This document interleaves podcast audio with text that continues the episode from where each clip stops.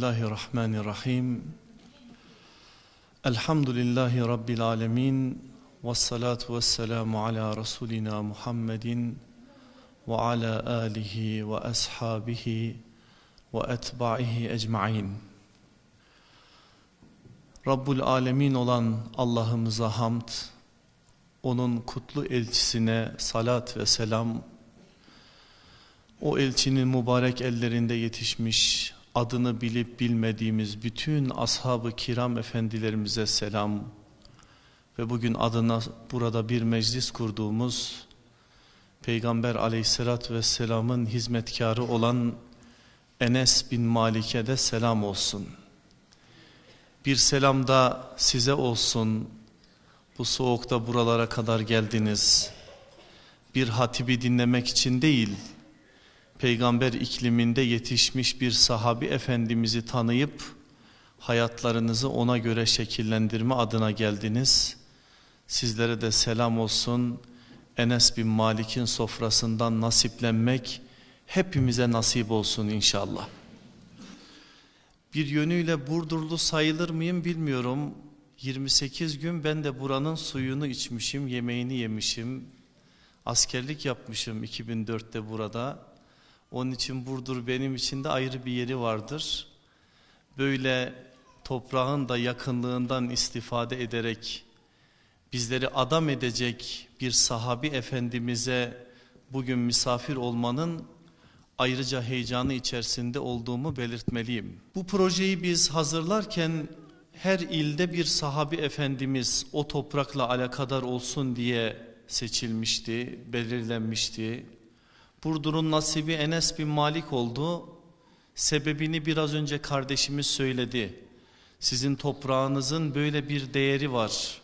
Bunu tekrardan Enes bin Malik'in vesilesiyle duymamız için burada ilmi öğreneceğimiz asr-ı saadetin ilim kalelerinden bir tanesine misafir olmamız gerekecek. Onun için eskiden alimlerimizden öğrendiğimiz bir şey var. Bazen hastalandıkları zaman, bazen evlerinde sıkıntı olduğu zaman, bazen kendilerinin ruhi anlamda bir sıkıntılar olduğu zaman salihlerin adlarını anarlar. Salihlerin isimlerini söylerler ki o salihlerden bir şekilde nasiptar olsunlar. Biz de istedik ki geçmişte gerçekten ilim noktasında çok önemli bir yeri olan Burdur'da asr-ı saadetin ilim kalelerinden birisi anlatılsın. Bu toprağın altında ilim adına çok önemli hatıralar var. Hal böyle olunca böyle bir isme misafir olalım.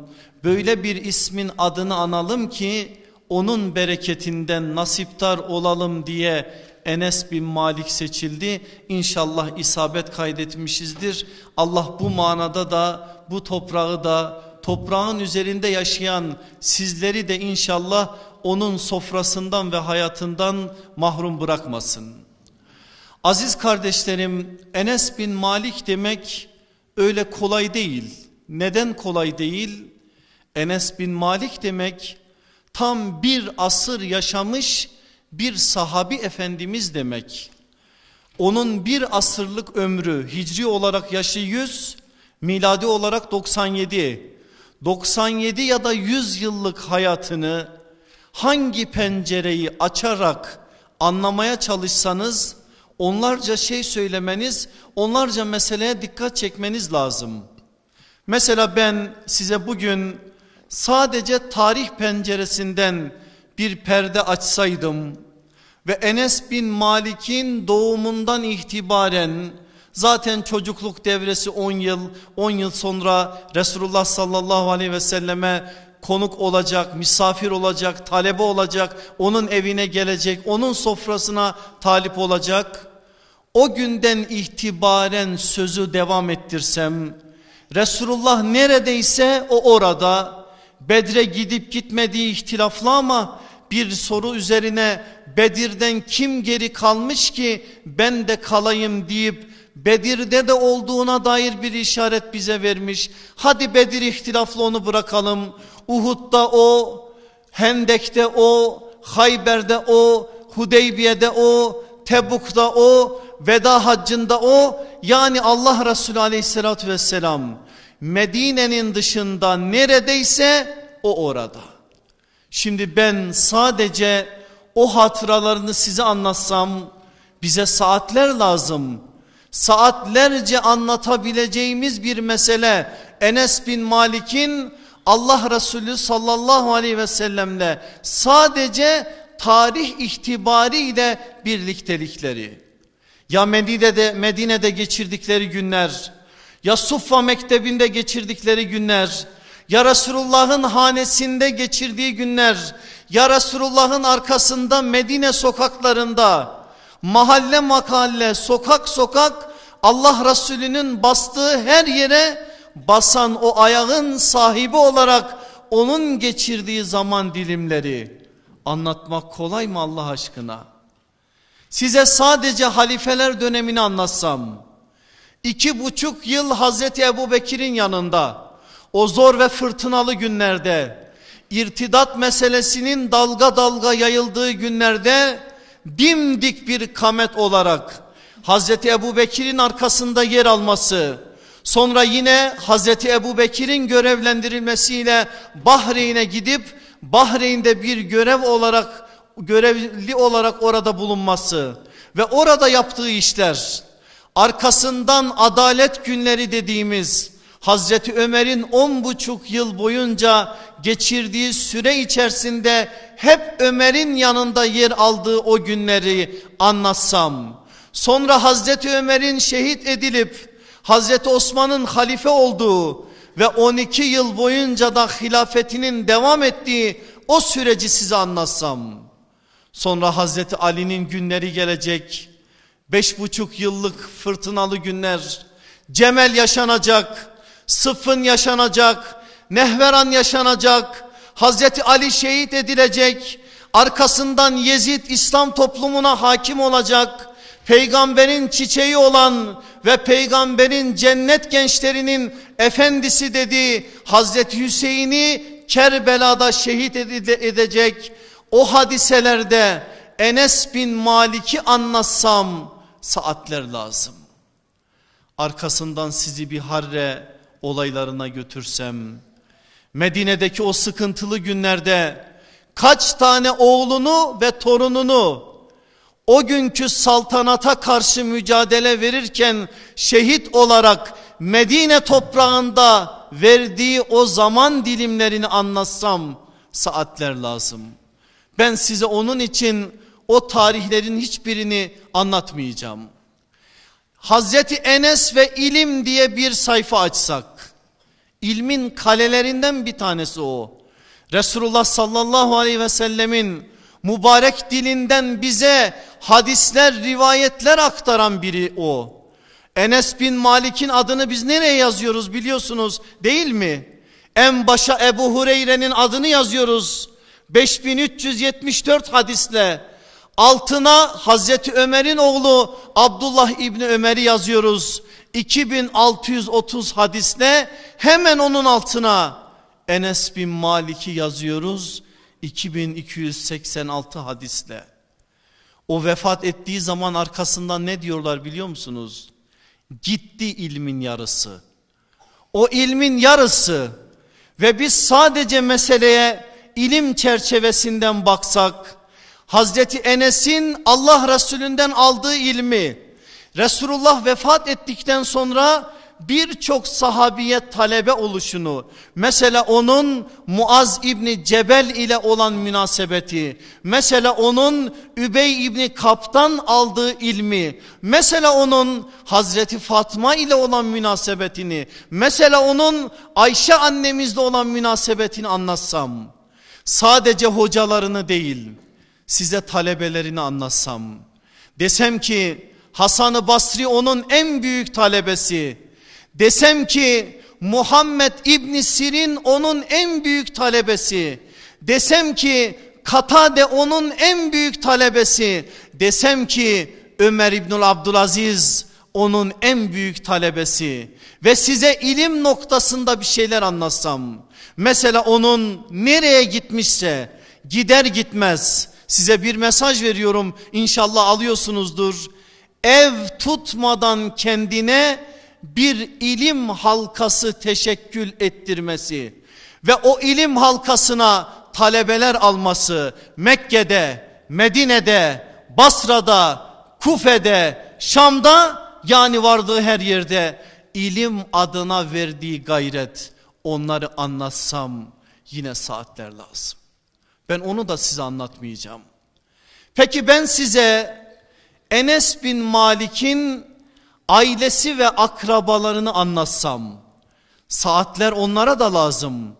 Onun babası Malik İbni Nadır biraz sonra detaylarını anlatacağım. Küfür üzere ölmüş gitmiş birisidir.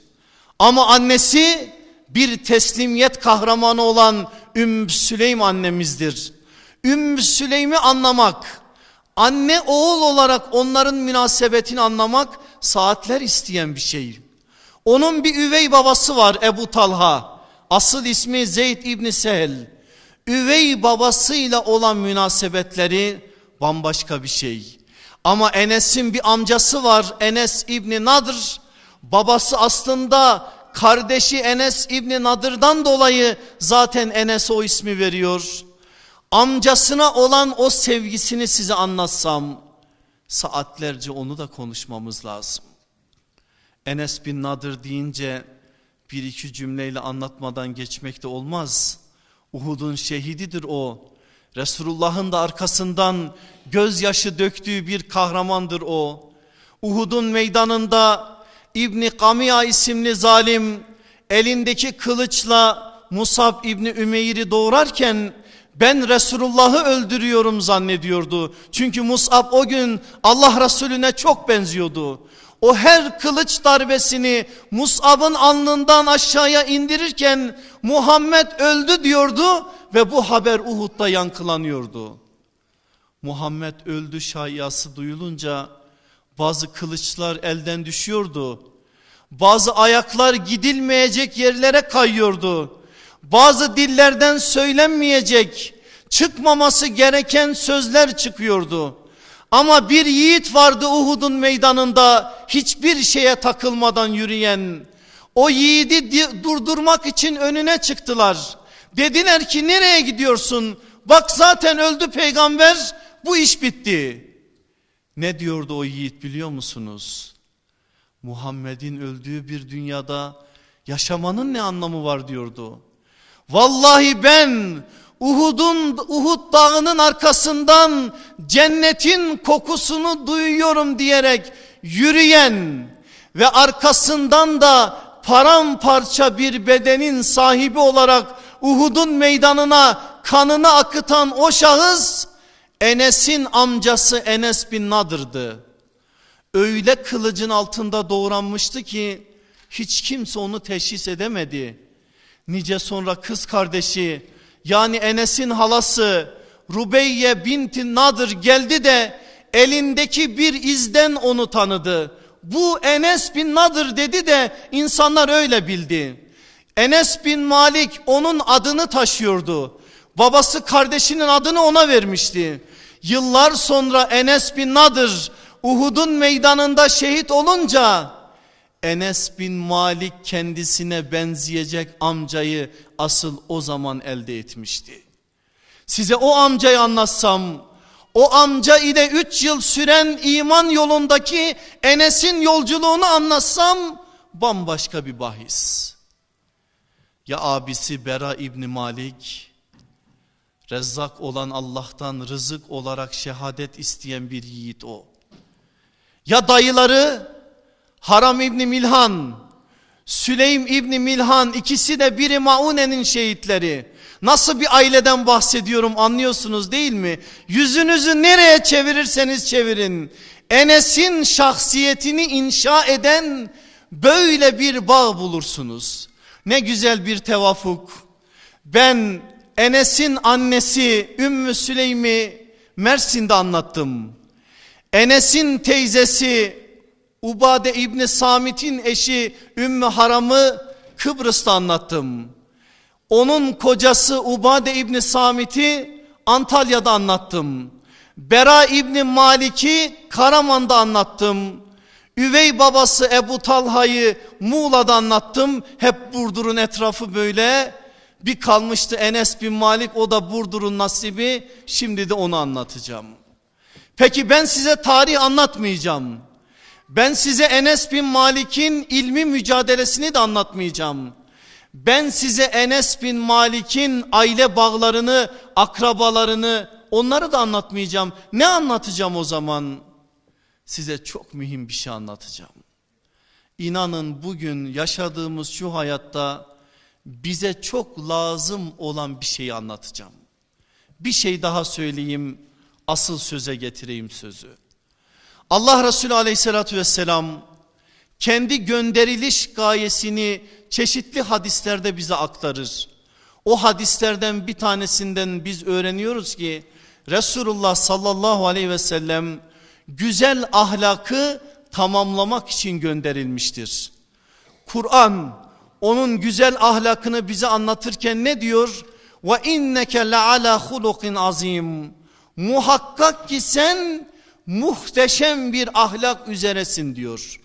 Üzereydin, üzeresin. O ayet öyle anlaşılır. Yani sen peygamberlikle muhteşem, muhterem, muhallet bir ahlaka sahip olmadın. Aslında zaten güzel ahlakın üzerindeydin. Yani el emindin sonra er Resul oldun. O eminlik Resullükle birleşince bambaşka bir ahlak ortaya çıkmış oldu. Aleyhissalatü vesselam Efendimizin 63 yıllık hayatının bize verdiği mesajlar hep ahlak içeriklidir. Onun mübarek ellerinde yetiştirdiği sahabiye bakın. Siz Hazreti Ebu Bekir'den sadakat ahlakını öğrenmez misiniz? Hazreti Ömer'den adalet ahlakını öğrenmez misiniz? Hazreti Osman'dan haya ve iffet ahlakını öğrenmez misiniz? Hazreti Ali'den ilim ahlakını, Talha İbni Ubeydullah, Ubeydullah'tan cömertlik ahlakını, Zübeyir bin Avvam'dan ihlas ahlakını, Ebu Ubeyde İbni Cerrah'tan emniyet ahlakını, Said İbni Zeyd'den teslimiyet ahlakını uzatın gitsin. Her bir sahabi efendimizden bir ahlakı yönü abideleşmiş olarak öğrenirsiniz. Peki söz Enes bin Malik olsa ne öğreniriz biz Enes bin Malik'ten? Çok şey ama özellikle bir şey hemen nazarımıza çekilmeli, dikkatlerimiz orada yoğunlaşmalı. Nedir o biliyor musunuz? Adayış ahlakıdır. Adayış ahlakı ne demek? Allah yoluna kurban etmek. Allah yoluna feda etmek. Ama malı değil. Ama kurban bayramlarında kestiğiniz kurbanlıkları değil. Daha da ötesine kendini Allah yoluna, Resulullah yoluna, Risalet davası yoluna kurban etmek. Enes demek kurbanlık olan bir kamet demektir. Kimin gibi? Aynen Adem'in oğlu Habil gibi. Kimin gibi? Aynen Hazreti Nuh ile zirvelere çıkan o adayış sürecindeki adımlar gibi. Kimin gibi? Adayışla arşı titreten İbrahim ve ailesi gibi, Hazreti İbrahim gibi, Hazreti Hacer gibi, Hazreti İsmail gibi. Kimin gibi? Her adımları Kur'an'a bir ayet olarak yazılan Hazreti Yahya gibi, Hazreti Zekeriya gibi, Hazreti Meryem gibi onun adayışı bambaşka bir adayış biliyorsunuz onları nazarımıza vererek bu işin adanmaktan geçtiğini Kur'an bize söylüyor.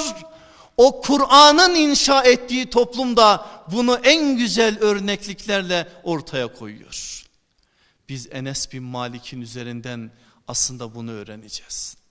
Benim aziz kardeşlerim adayış ahlakından bahseder etmez üç şeye dikkat etmemiz lazım.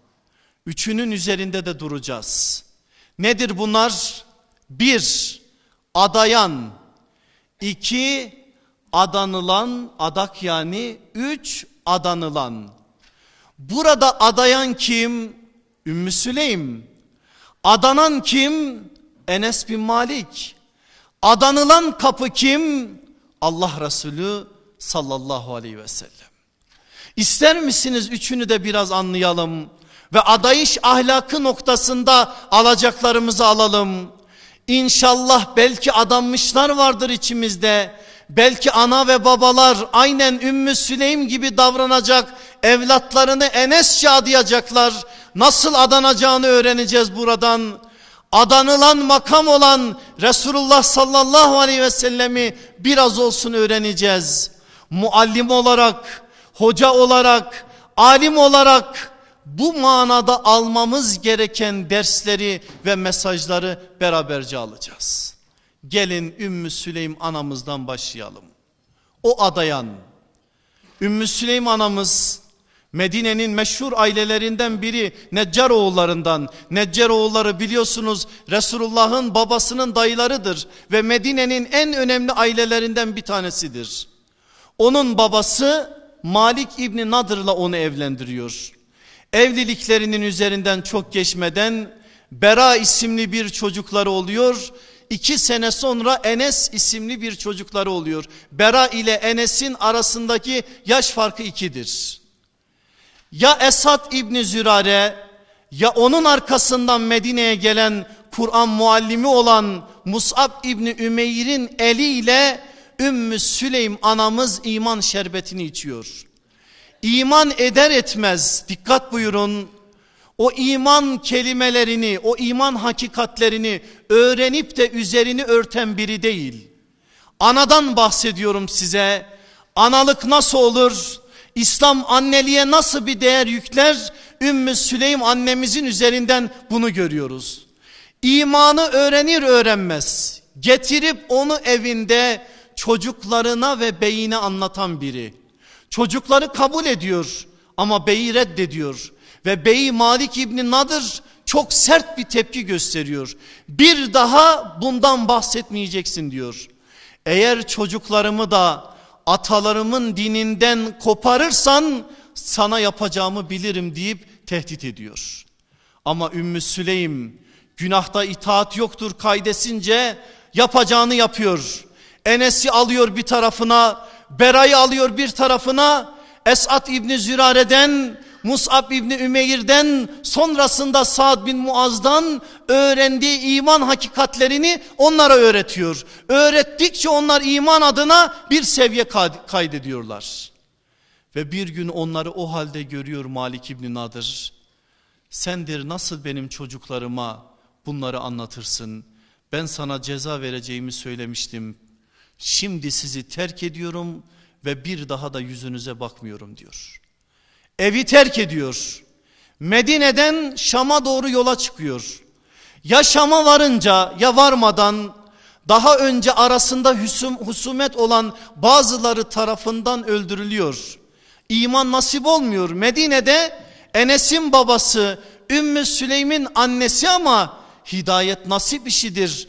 O nasibi de celbedecek adımları ister Allah. Onlar atılmadığı için peygamberin şehrinde imandan mahrum bir biçimde Malik İbni Nadır ölüp gidiyor. Ümmü Süleym gencecik bir hanım. Soylu ve güzel de bir hanım. Rivayetlerden böyle öğreniyoruz. Evlenmek için gelip gidiyorlar onun evine. Ümmü Süleym hayır diyor. Benim şu anda işim var. İşim çocuklarıma iman adına bir şeyler öğretmek ve kendisini bu manada çocuklarına adeta vakfediyor. Nice sonra Ebu Talha ile evleniyor ve o evlilikleri de dillere destan bir evlilik oluyor. O da işin ayrı bir boyutu. Böyle bir zemin yürürken Ümmü Süleym her gün kendi evinde çocuklarına namazı anlatmıyor. Dikkat buyurun. Kur'an'ı anlatmıyor. Kızım tesettür başını ört şöyle yap böyle yap demiyor. Oğlum şunu yapma bunu etme demiyor. Bir şey öğrenmiş saadet asrının o saadetli insanları. Çocuk nasıl yetiştirilir buna ait ipuçlarını yakalamışlar. işin temelini yakaladıkları için ve biz bugün bu çağda o temeli kaybettiğimiz için istenilen neticeye varamıyoruz ama onlar işi bildikleri için az şeyle istenilen neticeye varıyorlar. Nedir biliyor musunuz bizim kaybettiğimiz onların uyguladıkları şeyler? O şey o şey şu. Onlar şunu çok iyi biliyorlar ki bir çocuk, bir delikanlı kimi severse onun gibi yaşar.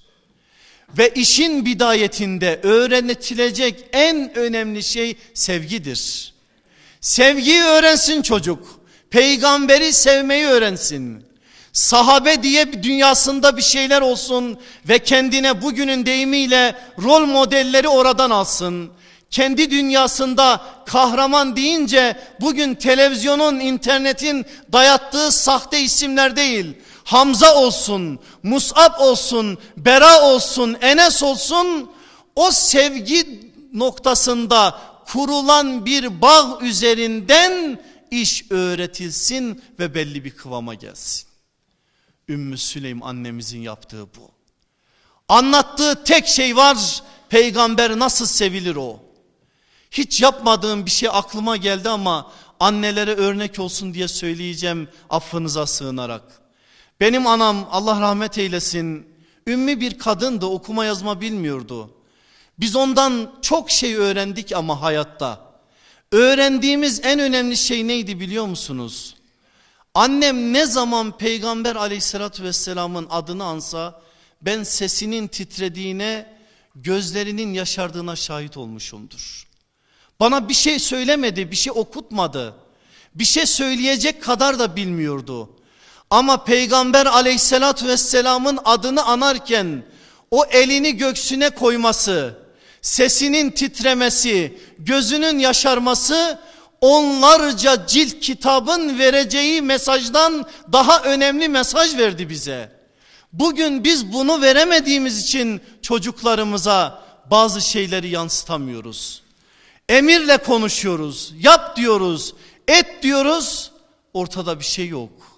Ama bir o hal sevgi üzerinden, muhabbet üzerinden verilmeye başlansaydı, gerçekten Allah Resulü aleyhissalatü vesselamın adı anıldığı zaman evlerimizin bir havası değişseydi, onun adı anıldığı zaman en güzel ihtiram cümleleri dilimizden dökülseydi, ayak ayak üstüne atarken onun adını anmasaydık, bir yüzü yürüyüşümüzü, oturuşumuzu düzeltip ondan sonra biz konuşacağımızı konuşsaydık, çocuklarımıza vereceğimiz en önemli mesajı vermiş olurduk. Ümmü Süleym anamız böyle bir anneydi ve böyle yetiştirdi. İki yıl boyunca Ümmü Süleym ana mektebinde yetiştirdi Enes isimli talebesini. İki yıl anne mektebinden mezun oldu. Efendimiz de Medine'ye hicret etti. Her Medineli kadın elinde bir hediye Resulullah'ın huzurunda ya Resulallah hoş geldin şehrimize bu benim sana hediyemdir bunu da ben sana takdim ediyorum dedikleri zaman Ümmü Süleym götürecek bir şey yok. Tuttu Enes'in elinden Enes 10 yaşında bir çocuk Resulullah'ın huzuruna vardı. Ya Resulallah dedi herkes sana bir şeyler getirdi benim sana verecek bir şeyim yok.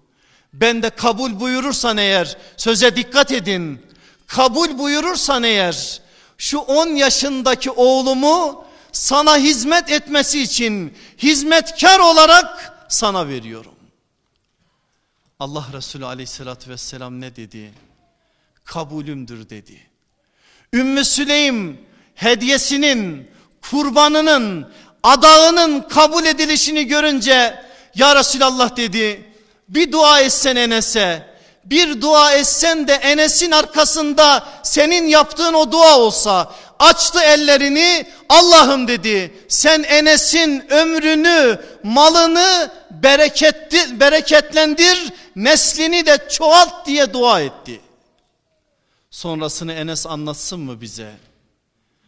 Kaç yıl yaşanmış? 100 yıl peygamberin duası var arkasında. Ne diyor bakın Enes bin Malik. Allah Resulü o duayı yaptı ya bana. Tam neslimden 125 tane çocuk gördüm diyor. Torununun çocuklarını görmüştür. Bereket duası yaptı ya her evde, her bahçede, bereket adına, mahsul adına ne olduysa benim evimde ve benim bahçemde iki katı oldu. Vallahi çoğu zaman kıtlık olurdu, kuraklık olurdu ama benim bahçeme su indiren özel bulutlar gelir, suyu indirir, yağmuru indirir, ben yine alacağımı alırdım diyordu. Eğer bir dua olursa bir insanın arkasında olacak netice bu olacaktır. Enes bin Malik böyle peygamber aleyhissalatü vesselama adanıyor. Ümmü Süleym anamız adarken böyle demiyor ama böyle diyor. Anlaşılsın diye bizim kelimelerimizi kullanayım size. Eti de senin kemiği de senin. Biz de bunu diyoruz. Götürüyoruz Kur'an kursuna oğlumuzu bırakırken kızımızı bırakırken hocasına diyoruz ki al eti de senin kemiği de senin. Bir yere bırakırken çocuğumuzu ilim adına bir medreseye bir okula öğretmenine öyle diyoruz al eti de senin kemiği de senin. Al diyoruz eti de senin kemiği de senin diyoruz da acaba Ümmü Süleym gibi davranıyor muyuz? Onu biraz sorgulamamız lazım. Acaba çocuğumuz gelirken eve yaptığımız şey ne? O gördüğü işleri, gördüğü yaptığı münasebetleri okulda, medresede, Kur'an kursunda hocalarıyla yaptıklarını öğrenme adına bir gayret içerisine mi giriyoruz? O bize öğretmenini şikayet ettiği zaman Ümmü Süleym gibi mi davranıyoruz? Yoksa eti de senin kemiği de senin sözü sadece havada kalan bir söz olarak mı kalıyor? Onun hep herkes kendisi muhasebesini yapsın. Ama ben size bir rivayet aktarayım. Bakın eti de senin kemiği de senin demek ne demekmiş. Enes bin Malik kendisi bize rivayet ediyor. Diyor daha Allah Resulü aleyhissalatü vesselamın yanındaki ilk günlerim sokakta oynuyorum çocuklarla beraber. Resulullah sallallahu aleyhi ve sellem geldi eğildi kulağıma bir şey söyledi. Annem de meğer bana bakıyormuş. Ben hemen Resulullah'ın dediğini yapmak için koşa koşa gittim. O işi yaptım geri geldim. Geldim annem bekliyor. Hanımlar ne olur kusuruma bakmasınlar. Biliyorsunuz hanımlar biraz meraklıdır. Hemen yapıştım yapıştı benim yakama. Enes dedi baktım biraz önce sana Resulullah geldi senin kulağına bir şey söyledi. Sen koşa koşa gittin. Ne söyledi sana? 10 yaşındaki Enes'in cevabı şu. O benimle Resulullah arasında sır. Onu söyleyemem. Ne demiştir Ümmü Süleyman anamız? Söyle oğlum ben senin ananım. Biz bunu söylüyoruz değil mi? Benden mi saklayacaksın? Bak söylemesem meraktan patlarım. Ne olur söyle deriz değil mi? Ne dedi eti de senin kemiği de senin diyen o yüce anne? Oğlum dedi eğer Resulullah bunu sana sır olarak verdiyse ben dahil bunu hiç kimselere söyleme. Ve Enes o sırrı mezara götürüyor. Ne olduğunu biz de bilmiyoruz. Böyle yetişir. Adak böyle adanır. Böyle arkasında durursanız eğer yetişen çocuklar Enesçe yetişir. Eğer siz hayatınızda bir çelişki olursa ve çocuk bu çelişkiyi fark ederse nasıl olur bu çağın Enes'i Allah aşkına? İşte olmuyor halimizde o olduğu için. Ama Ümmü Süleyman anamız vallahi Enes'ini aynen Meryem'in anası Hanne gibi adamış. Adamış ve dönmüş gelmiş. Hacer'in İsmail'i bıraktığı gibi İbrahim'in ailesini bıraktığı gibi adamak budur zaten. Allah'a tevekkül ederek adadığınız zaman döner arkanıza baksanız bile onu ihanet sayarsınız. Adamış ve dönüp arkasına bakmamıştır.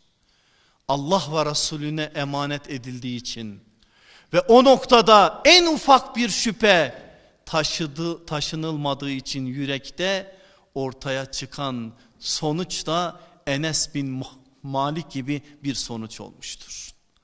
Adayan için çok şey söylenir. Bu kadarla iktifa edelim. Gelelim adanana. Adanan kim? Enes bin Malik. Allah aşkına sizi düşünmeye davet ediyorum. 10 yaşında bir çocuk, 10 yaşında. Annesi elinden tutuyor.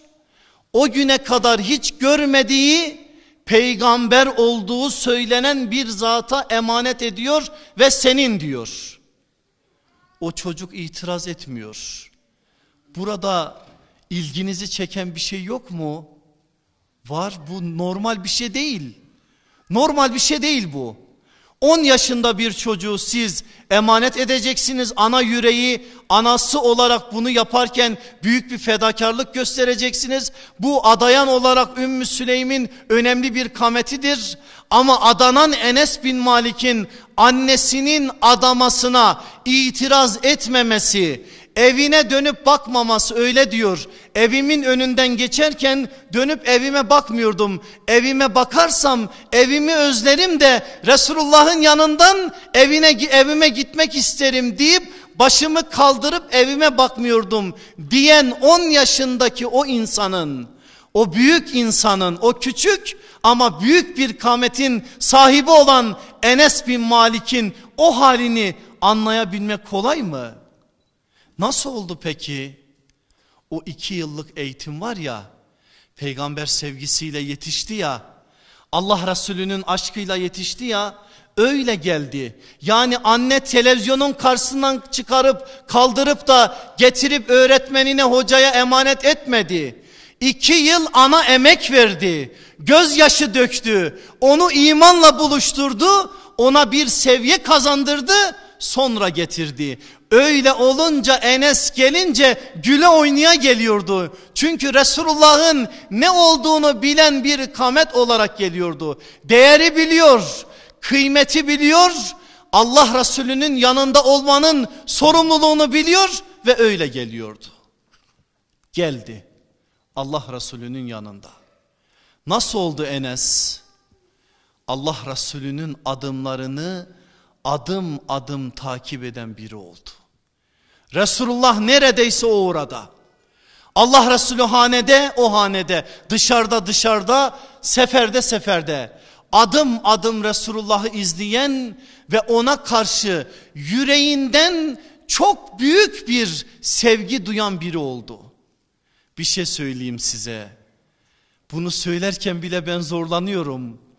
Bunu okuduğum zaman onlarca kez dua ettim. Allah'ım Enes gibi değil.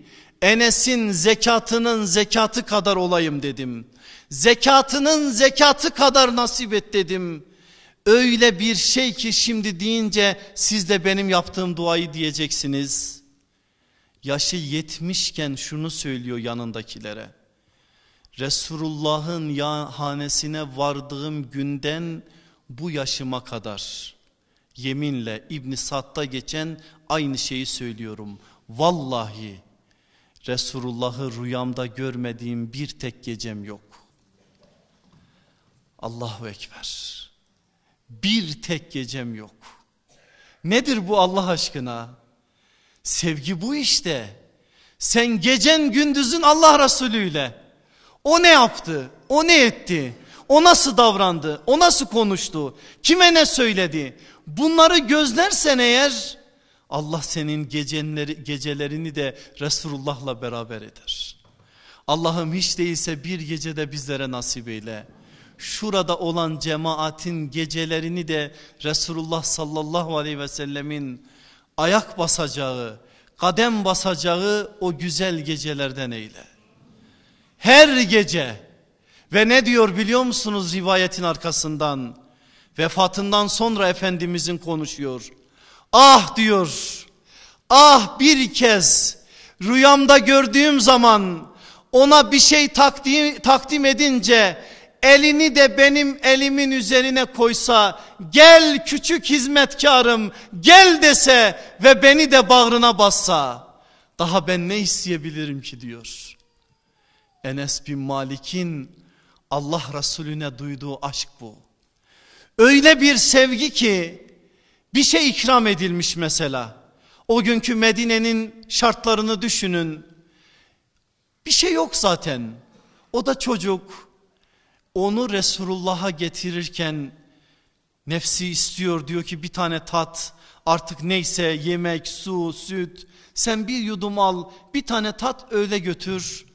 Eli gidip geliyor gidip geliyor en son diyor ki Allah Resulü tatmadan sana tatmak yakışmaz ey Enes öyle vardırıyor Efendimizin önüne. Kaynaklar şöyle bir rivayet aktarıyorlar.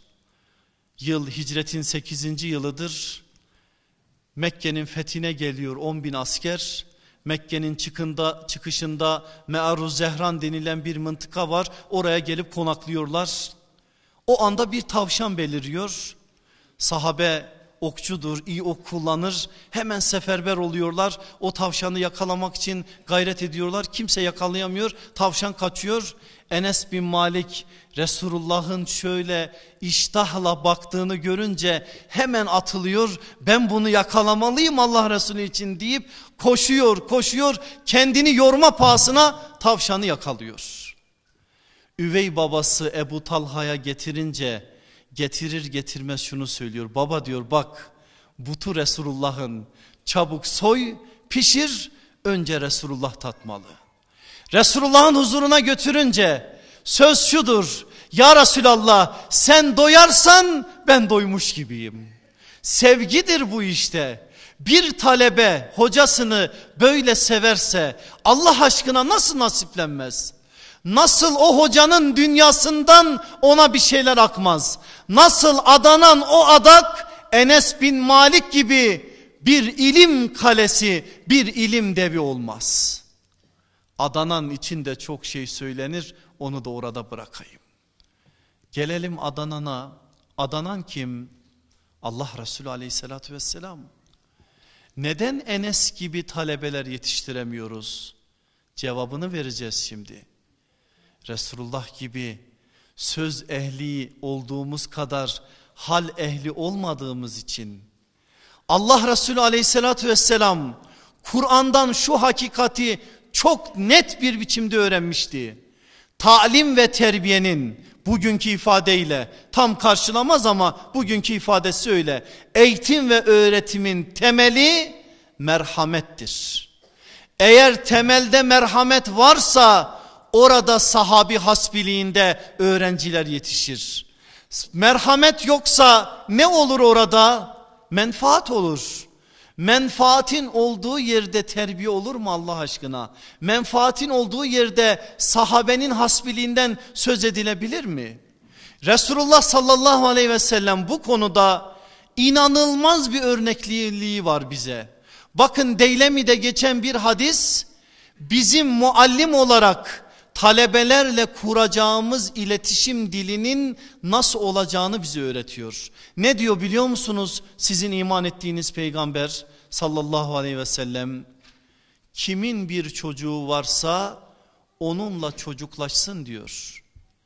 Sen evde somurtmuş bir yüz, ciddi bir hal, devlet başkanısın, bürokratsın, siyasetçisin, hocasın, şusun busun neysen evde babasın evde baba olarak bunu yansıtmazsan, okulda öğretmen olarak, medresede muallim olarak, alim olarak bunu yansıtmazsan, yani yanına gelen senden merhameti görmezse bir dakika durmaz. Onun için durmuyorlar. Bugün ben inanın çocuklarımızda söz, suç bulmuyorum. Bugün suçlu olan biziz. Biz tam anlamıyla bu merhameti yansıtamıyoruz. Sizin iman ettiğiniz peygamberden bir örnek vereyim. Bakın bize yine bu örneği aktaran Enes bin Malik'tir. Onun üvey babasından yani Ebu Talha'dan olan bir erkek kardeşi var. Annesi Ümmü Süleym anneleri bir. Adı Ebu Umeyr. Bu Ebu Umeyr'in bir kuşu var. Kuşuna da Nuhayr ismini koymuş Efendimiz. O da o ismi benimsemiş ve onu söylüyor. Bakın Resulullah 5-6 yaşındaki bir çocukla ne zaman karşılaşsa ona bir selam veriyor. Sonra diyor ki nasıl kuşun durumu? Ey ya Umeyr, ya Eba Umeyr, ma faale Nugayr? Nuhayr ne yapıyor? Nasıl hali deyip kuşunu soruyor. Kuşunun üzerinden Allah Resulü onunla iletişim kuruyor. Bunun buze verdiği çok önemli mesajlar vardır. Muhakkak alıyorsunuzdur. Ve bir gün Nuhayr ölüyor, kuş ölüyor. Allah Resulü Ebu Ümeyr'i görüyor üzgün bir halde. Ne oldu diyor. Ya Resulallah kuşum öldü diyor. Efendimiz aleyhissalatü vesselam onu teselli ediyor. Enes Resulullah'ın yanına geldiği zaman Efendimiz dört tane hitap cümlesi kullanır. Dikkat buyurun. Ya Enes ismiyle. Ya Üneyiz. Ne demek Üneyiz? Enescik.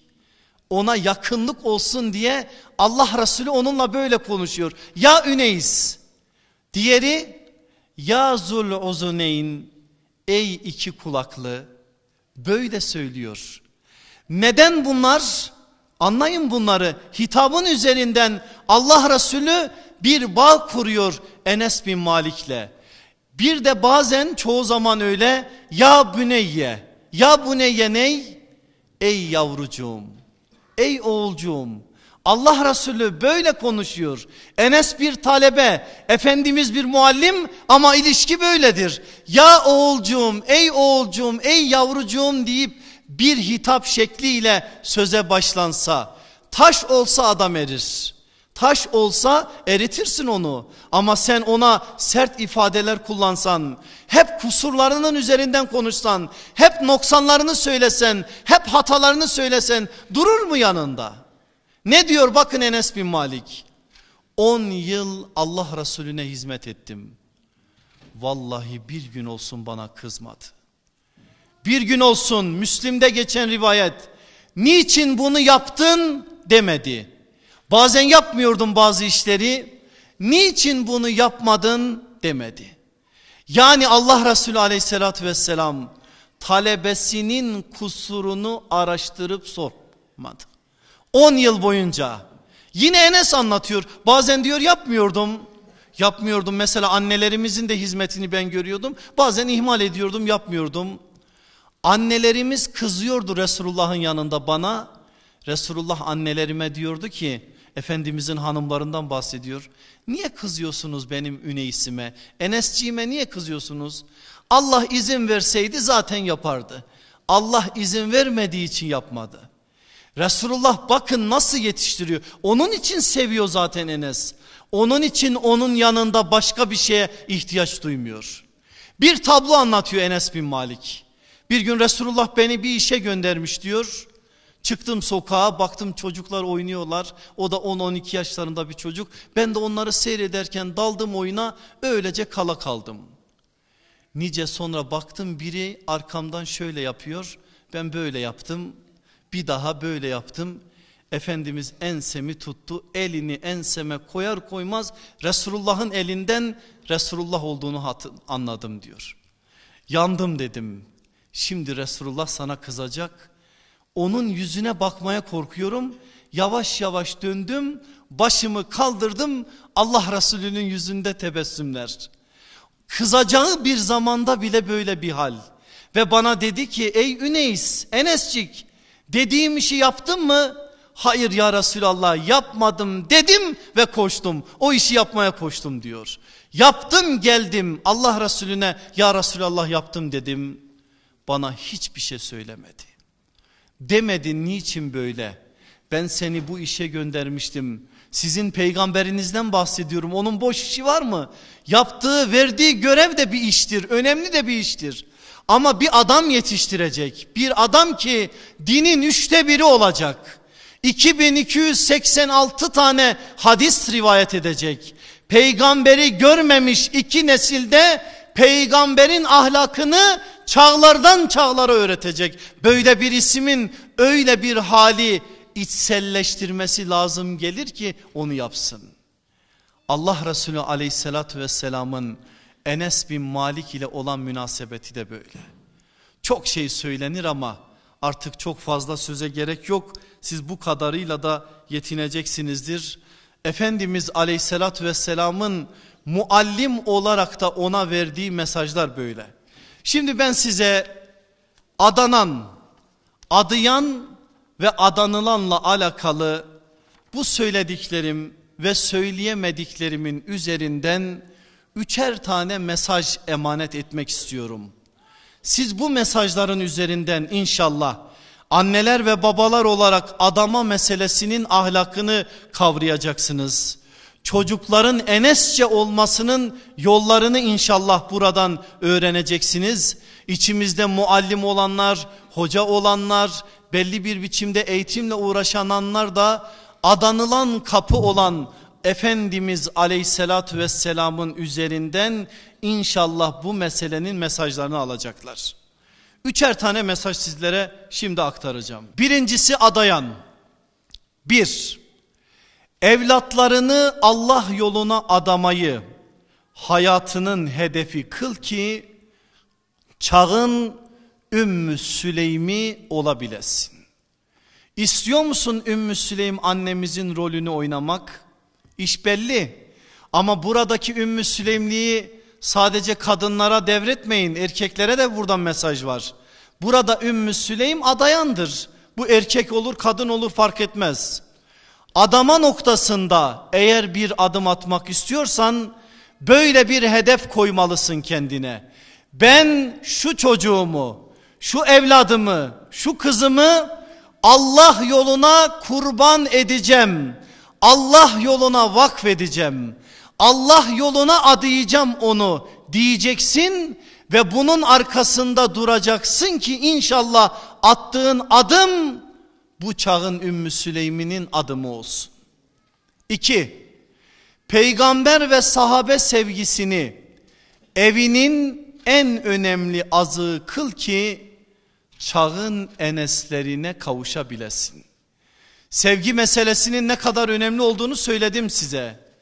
Bu manada eğer sen peygamber meselesini, peygamber sevgisini evinin azı kılarsan inşallah yetiştirdiğin çocuk, çocuk çağın enesi olur. Bakın ben de bir babayım. Üç tane evladım var. Ben sizin evlatlarınıza dua ediyorum. Siz de benim evlatlarıma inşallah dua edin. Allah hepimizin evlatlarını salih ve salihalardan eylesin. Şimdi söyleyeceklerimi çok iyi biliyorsunuz. Çünkü hepiniz baba ve anne olarak bunun farkındasınız. Alıyorsunuz çocuğunuzu karşınıza saatlerce çocuğunuza bir şey söylüyorsunuz bir kulağından giriyor bir kulağından çıkıyor. Çocuğa en iyi eğitim nasıl veriliyor biliyor musunuz? Babasınız annesiniz evde siz birbirinizle konuşuyorsunuz ya o konuştuklarınız ne ise çocuğun şahsiyeti odur. Çocuk kendine direkt söyleneni almıyor. Çocuk evde beyin hanımıyla, hanımın beyiyle konuştuklarını alıyor. Çünkü çocuk bir yönüyle bilgi hırsızıdır. Sizi dinlemiyor olarak gözükür aslında çok iyi dinliyor. Ve siz ne konuşuyorsanız maç mı, kavga mı, gıybet mi, akrabalarımı çekiştiriyorsunuz neyse mesela hanımlar çok severler kocalarının ailelerini çekiştirmeyi onları mı yoksa kocalar başka şeyler mi neyse artık siz onları benden daha iyi biliyorsunuz. Ne konuşuluyorsa çocuğun şahsiyetini şekillendiren o. Sofrada oturmuşsunuz kaç kişiyseniz baba bir konu açıyor diyor ki hanım bugün şöyle bir kitap okudum ve başlıyor o okuduğunu hanıma anlatıyor. Aslında dinleyen hanım ama çocuklar hiç oralı değil sizin yüzünüze bile bakmıyorlar. Asıl onlar alıyorlar alacaklarını. Yolu bu. İstiyor musunuz Enes gibi çocukların sahibi olmayı? Sofralarınızı Allah'ın memnun olacağı meselelerle şenlendireceksiniz. Bunu yaptığınız andan itibaren Allah'ın izniyle o ev Enesler yetiştirecek ev olmaya adaydır. Ve o evlerden yetişir ancak Enes bin Malik gibi kameti büyük olan o yüce ruhlar. Adıyanın üçüncü mesajı adağını adar adamaz. Acaba kabul olur mu endişesini yüreğine hakim kıl ki adayış ahlakına uygun davranabilesin. Bu cümleyi bir daha tekrar ediyorum. Adağını adar adamaz. Acaba kabul olur mu endişesini yüreğine hakim kıl ki adayış ahlakına uygun davranabilesin. Ben adadım Allah kabul edecektir. Yok böyle bir şey. Adayacaksın bir de endişe duyacaksın. Endişe duyarsan sen Habil'in yolundasın. Ben Allah için adadım. Allah'ım sen bilirsin. Benim en kıymetli hazinem buydu. En güzelini, en hasını sana adadım. En iyisini sana adadım. Bundan sonrası sana ait kabul edersen eğer senin şanındandır. Kabul etmezsen benim yüzüme çarparsan o da benim küçüklüğümdendir deyip acziyet içerisinde olacaksın. Bunu yaparsan eğer gerçekten Ümmü Süleym gibi adarsın. Ümmü Süleym'in en kıymetli hazinesi iki taneydi. Bera ilimle alakası olmayan biriydi. Bera İbni Malik'in hayatını okuyun nasıl bir kamet olduğunu göreceksiniz. O savaş adamıdır. Anası çok iyi biliyordu. O orada kalamaz. Suffa mektebinde kalacak adamın ilme heyecanı olması, ilme hevesi olması gerekir. Enes o işin adamı. Onun için Enes'ini ona feda etti ve Enes'ini kurban etti. En hasını, en iyisini Allah Resulü yoluna verdi. Yüreğinde de o endişeyi taşıdığı için Allah onun o adağını kabul etti. Ümmü Süleym ada anamızın adayan olarak bize verdiği üç mesaj böyle. Gelelim Adana'na. O kim? O bugün bizim ev sahibimiz olan Enes bin Malik. Bakın Enes bin Malik bize ne diyor adanan olarak. Bir, adandığın kapının değer ve kıymetini iyice kavra ki oraların şükrünü hakkıyla eda edebilesin. Nereye gittin? Falanca kursa, falanca okula. Oranın kıymetini çok iyi bil. Bil ki şükrünü eda edebilesin. Eğer nankörlük yaparsan, bir nimet olarak algılamazsan, gözün hep dışarıda olursa, bedenin okulda, bedenin mektub, mektepte ama kalbin ama aklın ama zihnin başka yerde. Bedenin de orada olmasın daha iyi. Sadece bedeninin orada olması senin Enes olman için yetmiyor. Enes gibi olacaksın. Evini bir kere unutacaksın. Evinin önüne geldiğin zaman gözünü kapatacak kadar ilme bağlanacaksın. İlimden başka bir hedefin olmayacak ki o basamakları birer birer geçebilesin. Yoksa sen o heyecanla olmasan, ilim heveskarlığı içinde olsan da ilim hırsı taşımazsan ilim elde edebilir misin? Enes'in taşıdığı bu olduğu için kamet onun kameti gibi oldu. İki, muallimlerine karşı derin bir sevgiyi ve sevdayı kalbinde besle ki onların adımlarına adımını yaklaştırabilersin. Sevmezsen eğer asla duramazsın. Onun için anneler ve babalar olarak size bir tavsiyede bulunayım acizane. Asla çocuklarınızın yanında öğretmenlerini, muallimlerini çekiştirmeyin. Bunu yaptığınız zaman onların ayaklarına siz sıkarsınız kurşunu. O sevgiyi tesis etmelerini sağlayın. Bugün bugünün dünyasında biz bunu kaybettiğimiz için bakın çocuklarımız okullarda da duramıyorlar. Ama bunu yapmayacağız. Sevgi duyacak. Ana gibi görecek, baba gibi görecek ve biz bunu sağlayacağız. Sağladığımız andan itibaren de Allah'ın izniyle Enes gibi alacağını alacak. 3. Niyet ve hedefini selim bir düşüncenin üzerine bina et ki hayal kırıklığına uğramayasın, yarı yollarda takılıp kalmayabilesin. Bunu da bir daha tekrar edeyim. Niyet ve hedefini selim bir düşüncenin üzerine bina et ki hayal kırıklığına uğramayasın, yarı yollarda takılıp kalmayasın. Enes mi olacaksın? Senin hedefin diploma olmamalı. Enes mi olacaksın? Senin hedefin sadece kariyer olmamalı. Enes mi olacaksın? Allah yolunda öğrenmek, Allah yolunda yaşamak, Allah yolunda da yaşatmak senin öncelikli hedefin olacak. Niyetin, hedefin bu manada selim olacak ve büyüdükçe büyüyecek, ali bir hedefin olacak. Yazık değil mi bugün öğrencilerimizin hedefinin sadece diploma olması? Bu kadar küçük bir hedefle nasıl biz göndeririz çocuklarımızı? Bu kadar küçük bir hedefle nasıl yetiştiririz? Sahabe gönderirken çocuklarını o meydana, o mektebe adı Darul Erkam'dı, adı Suffa'ydı. Şunu istiyordular. Oğlum kızım git yürüyen bir Kur'an olarak dön gel. Senin üzerinden alem Kur'an'ın kokusunu, Resulullah'ın kokusunu duysun. Sen aleme onu yansıt. Böyle bir hedefle gittikleri için netice işte bizim bildiğimiz şekilde oldu. Enes'in bize verdiği mesajda bu. Ya adanılan Allah Resulü aleyhissalatü vesselam ya da muallim ya da bir alim neyse onun bize verdiği mesaj ney?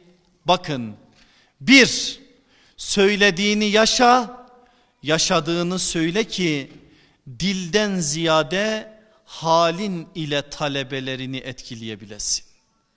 En başta olması gereken budur. Artık bizim rivayetten daha fazla riayeti öne çıkarmamız lazım. Konuşmak kolay ben de konuşuyorum size. Ama halimiz hayatlarda birbirimize örnek olması lazım. Bakın şu yaşadığımız toplumda peygamberi anlatan çok ama peygamber gibi yaşayan az. Peygamber gibi yaşayanlar az olduğu için bir türlü istediğimiz o sünnet-i seniyenin sokaklarda insanlardan insanlara aktarıldığı Medine'nin kopyası olan o toplumlara ulaşamıyoruz. Yaşamamız gerekir ki etkileyebilelim. Asr-ı saadet dünyası böyle. Allah Resulü aleyhissalatü vesselam bir muallim olarak böyle yaşıyor, yaşadığını söylüyor, söylediğini anlatıyor, onlar da etki ediyor. Burada muallimlerin alacağı çok önemli dersler var. İkincisi, merhameti talim ve terbiyenin esası olarak belirle ki talebelerine bir anne şefkati ile yaklaşabilesin. Bir daha söylüyorum bunu. Merhameti talim ve terbiyenin esası olarak belirle ki talebelerine bir anne şefkati ile yaklaşabilesin. Bu merhamet ne yazık ki yok bugün toplumumuzda.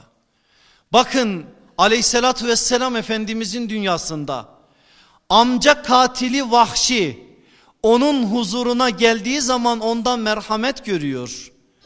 Dün onun yürüdüğü yollara diken serpen insanlar iman için yürüdüklerinde ondan merhamet görüyor. Müslüman olmuş ama hanımına iftira atmış. O hanımına atılan iftiraya adı karışmış ama pişman olmuş. Gelip Resulullah'ın yanına ondan merhamet görüyor. Onun için Kur'an Uhud'un arkasından indirdiği ayetlerde febima rahmetin minallahi linte lehum diyor. Eğer sen onlara merhamet ile davranmasaydın onlar etrafından dağılıp giderlerdi. Ayetin devamı nedir biliyorsunuz değil mi? Eğer katı yürekli olsaydın, onlara karşı yüzünü assaydın, onlara karşı sürekli kötü muamelede bulunsaydın bir tek insan yanında bulamazdın. Böyle davrandığımız için öyle olmuyor. Bir örnek vereyim mi size? Hepinizin bildiği bir örnek. Ama güncelleştirerek anlamaya çalışalım. Peygamberin mescidinde bir bedevi gelmiş bir köyden peygamber mescidinin değer ve kıymetini bilmiyor. Mescitlerin Allah evi olduğundan habersiz çok affedersiniz ne olur kusuruma bakmayın bir kenara çekiliyor ve küçük abdestini bozuyor. Ne yapıyor peki sizin iman ettiğiniz peygamberiniz? Sahabe bizim gibi davranıyor. Hemen adamın üzerine koşuyorlar. Yapma etme diyorlar. Allah Resulü'nün sözü şu bırakın adamı. Bırakın adamı işini bitirsin. Adam işini bitiriyor. Gidin bir kova su alın ve orayı temizleyin diyor. Aynen yapılıyor. Sonra çağırıyor o zatı. Karşısında ona diyor ki ey falan diyor. Mescitler Allah'ın evidir. Allah'ın evinde böyle şeyler yapılır mı? Bir daha yapma diyor. Tamam ya Resulallah diyor. Gidiyor abdest alıyor. Geliyor tekrardan Mescid-i Nebevi'ye. Dua için ellerini kaldırmış. Resulullah da arkasında. Nasıl dua ediyor biliyor musunuz? Allah'ım diyor sadece beni ve Muhammed'i bağışla. İkimizin dışında hiç kimseyi bağışlama. Efendimiz de arkasında gülüyor. Allah'ın merhametini daralttın diyor ey falan. Neden peki bu? Merhamet gördü Resulullah'tan. Merhamet gördüğü için böyle. Sen bir annesin, bir babasın. Bir eşyanı kırdı diye evinde oğluna, kızına beddua ediyorsun. Bak senin peygamberinin mescidine abdest bozulmuş ama tavır bu. Onun ağzından hiçbir insana, hiçbir insana hele bu insan talebesi ise, hele bu insan Müslümansa asla beddua çıkmamış. Peki böyleyse eğer o merhamet sadece kitaplarda mı kalacak Allah aşkına? Ne olur yani sehpanın üzerinde olan bir vazo düştü kırılsa ne olur? Ne olur? Sizi bir dertten kurtarır hatta o çocuk. Kırsa ki iyi olur. En azından temizleme derdinden kurtulursunuz. Ama böyle bir şey olduğu zaman sen peygamberini hatırlayıp o anda merhameti yansıtırsan, merhamet üzere bir bağ kurarsan eğer Allah'ın izniyle senin çocuğun Enes olur. Yoksa beddua eder, kötü söz söylersen olacağını sen biliyorsun. Üçüncüsü, talebelerinin mizaç, karakter ve seviyelerini iyice kavra ki onların anlayacağı dil üzerinden iletişim kurabilesin. Enes'in Efendimiz ahlakını, kabiliyetini çok iyi kavradı. Enes'in halini anladı Efendimiz aleyhissalatü vesselam ve onunla onun anlayacağı dil üzerinden bağ kurdu.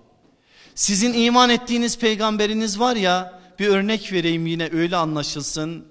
Nasreddin Hoca'nın sazı hep bir yerden tuttuğu gibi bir yerden tutup da insanlarla iletişim kurmazdı. Ne yapardı peki? Seviyede değişir, Resulullah'ın uslubu değişir. Adamın mizacı değişir, Resulullah'ın uslubu değişir.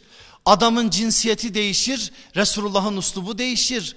Adamın dini kimliği değişir, Resulullah'ın uslubu değişir. Çünkü seviyelerine göre konuşmak Allah Resulü'nün en önemli sünnetlerinden bir tanesiydi.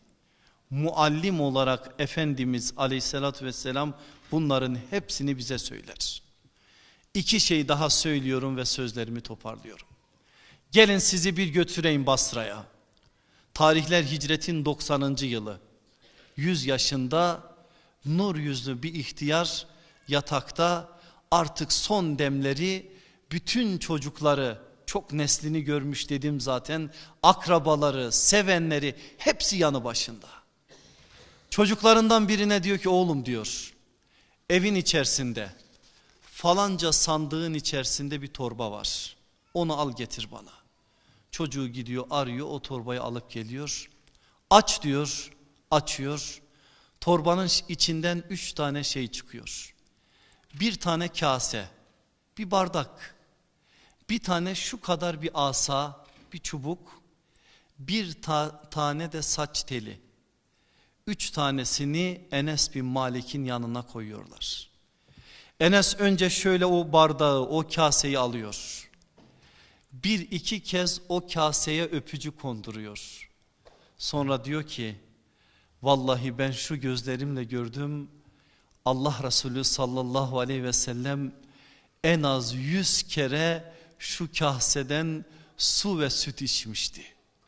Ve Resulullah'ın dudak kondurduğu o kase yıllardır benim yanımda. Ben de ne zaman onu özlesem, ne zaman ona karşı yüreğimde bir muhabbet duysam hiç azalmadı da o çoğalsa o özlem çoğalsa o kaseyi kaldırıyorum. Resulullah'ın dudak kondurduğu yerlere dudak konduruyorum ona olan hasretimi öyle gideriyorum. Alın diyor bu size benim en önemli vasiyetim en önemli mirasımdır bunu gözünüz gibi saklayın. Sonra çocuklarına diyor ki o asa var ya o çubuk bir gün ben Resulullah sallallahu aleyhi ve selleme bir iş görmüştüm. Allah Resulü de kendisine yapılan bir işe her daim hediye verirdi. O gün bana da hediye vermek istedi. Aradı aradı bir şeyler bulamadı. Yerden bir çubuk aldı. Al Enes dedi. Hiç değilse bu senin hediyen olsun dedi. Yıllar yılıdır o benim yanımda. Şimdi ben ruhumu Allah'a teslim edince beni kefenlediğinizde o asayı benim tam göğsümün ortasına koyun. Ben Rabbimin huzuruna Resulullah'ın bana hediye ettiği o çubukla gitmek istiyorum. Allah bana sorunca Enes bana ne getirdin? Ya Rabbi hiçbir şey yok ama şu çubuk bir gün Resulullah'ı memnun edecek bir iş yapmıştım. Allah Resulü bana hediye verdi. Ben de onu senin huzuruna getirdim. Resulullah'ı memnun etmem senden rahmet görmemin en önemli neticesidir. Onunla senin huzuruna geldim. Onun için onu benim göksüme koyun. Şu tel var ya bu da Resulullah'ın mübarek bedeninden. Onu da benim dilimin altına koyun. Ben onunla gitmek istiyorum. Allah da şahit olsun. Resulü de şahit olsun ki şu dil her daim Allah Resulü'nün söylediğini söylemiş. Altında onundan bir bedenden bir tel olsun Rabbimin huzuruna öyle gideyim.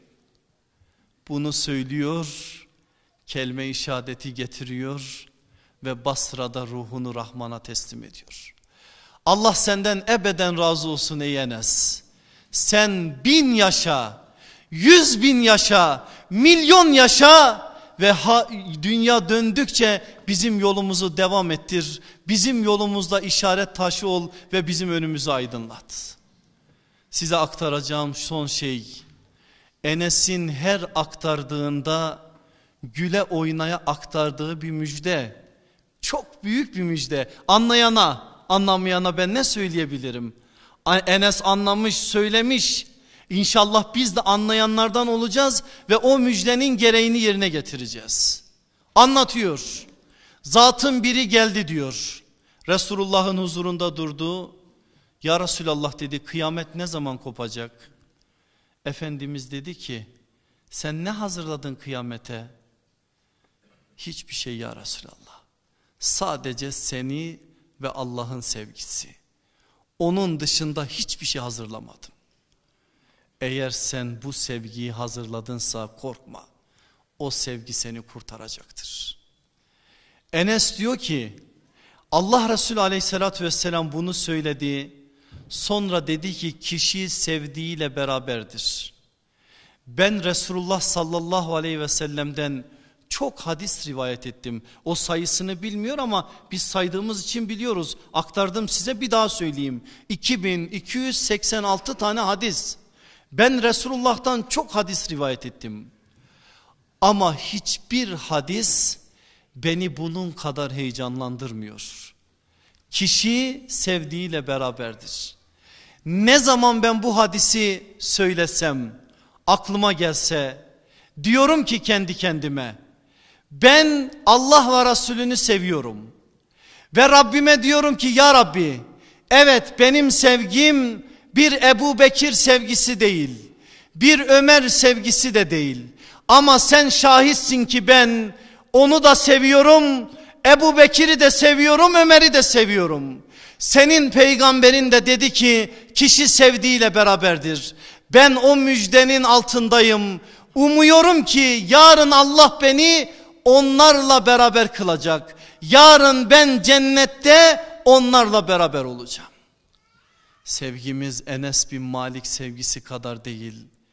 Biz de onu Enes'in dediği gibi diyoruz. Allah'ım biz de seviyoruz. Senin raşit halifelerini ve Resulullah sallallahu aleyhi ve sellemin ikliminde talebe olan en üstte Hazreti Ebu Bekir, en altta Hazreti Vahşi. Hepsine radıyallahu anhu mecmain diyor. Hepsini seviyoruz.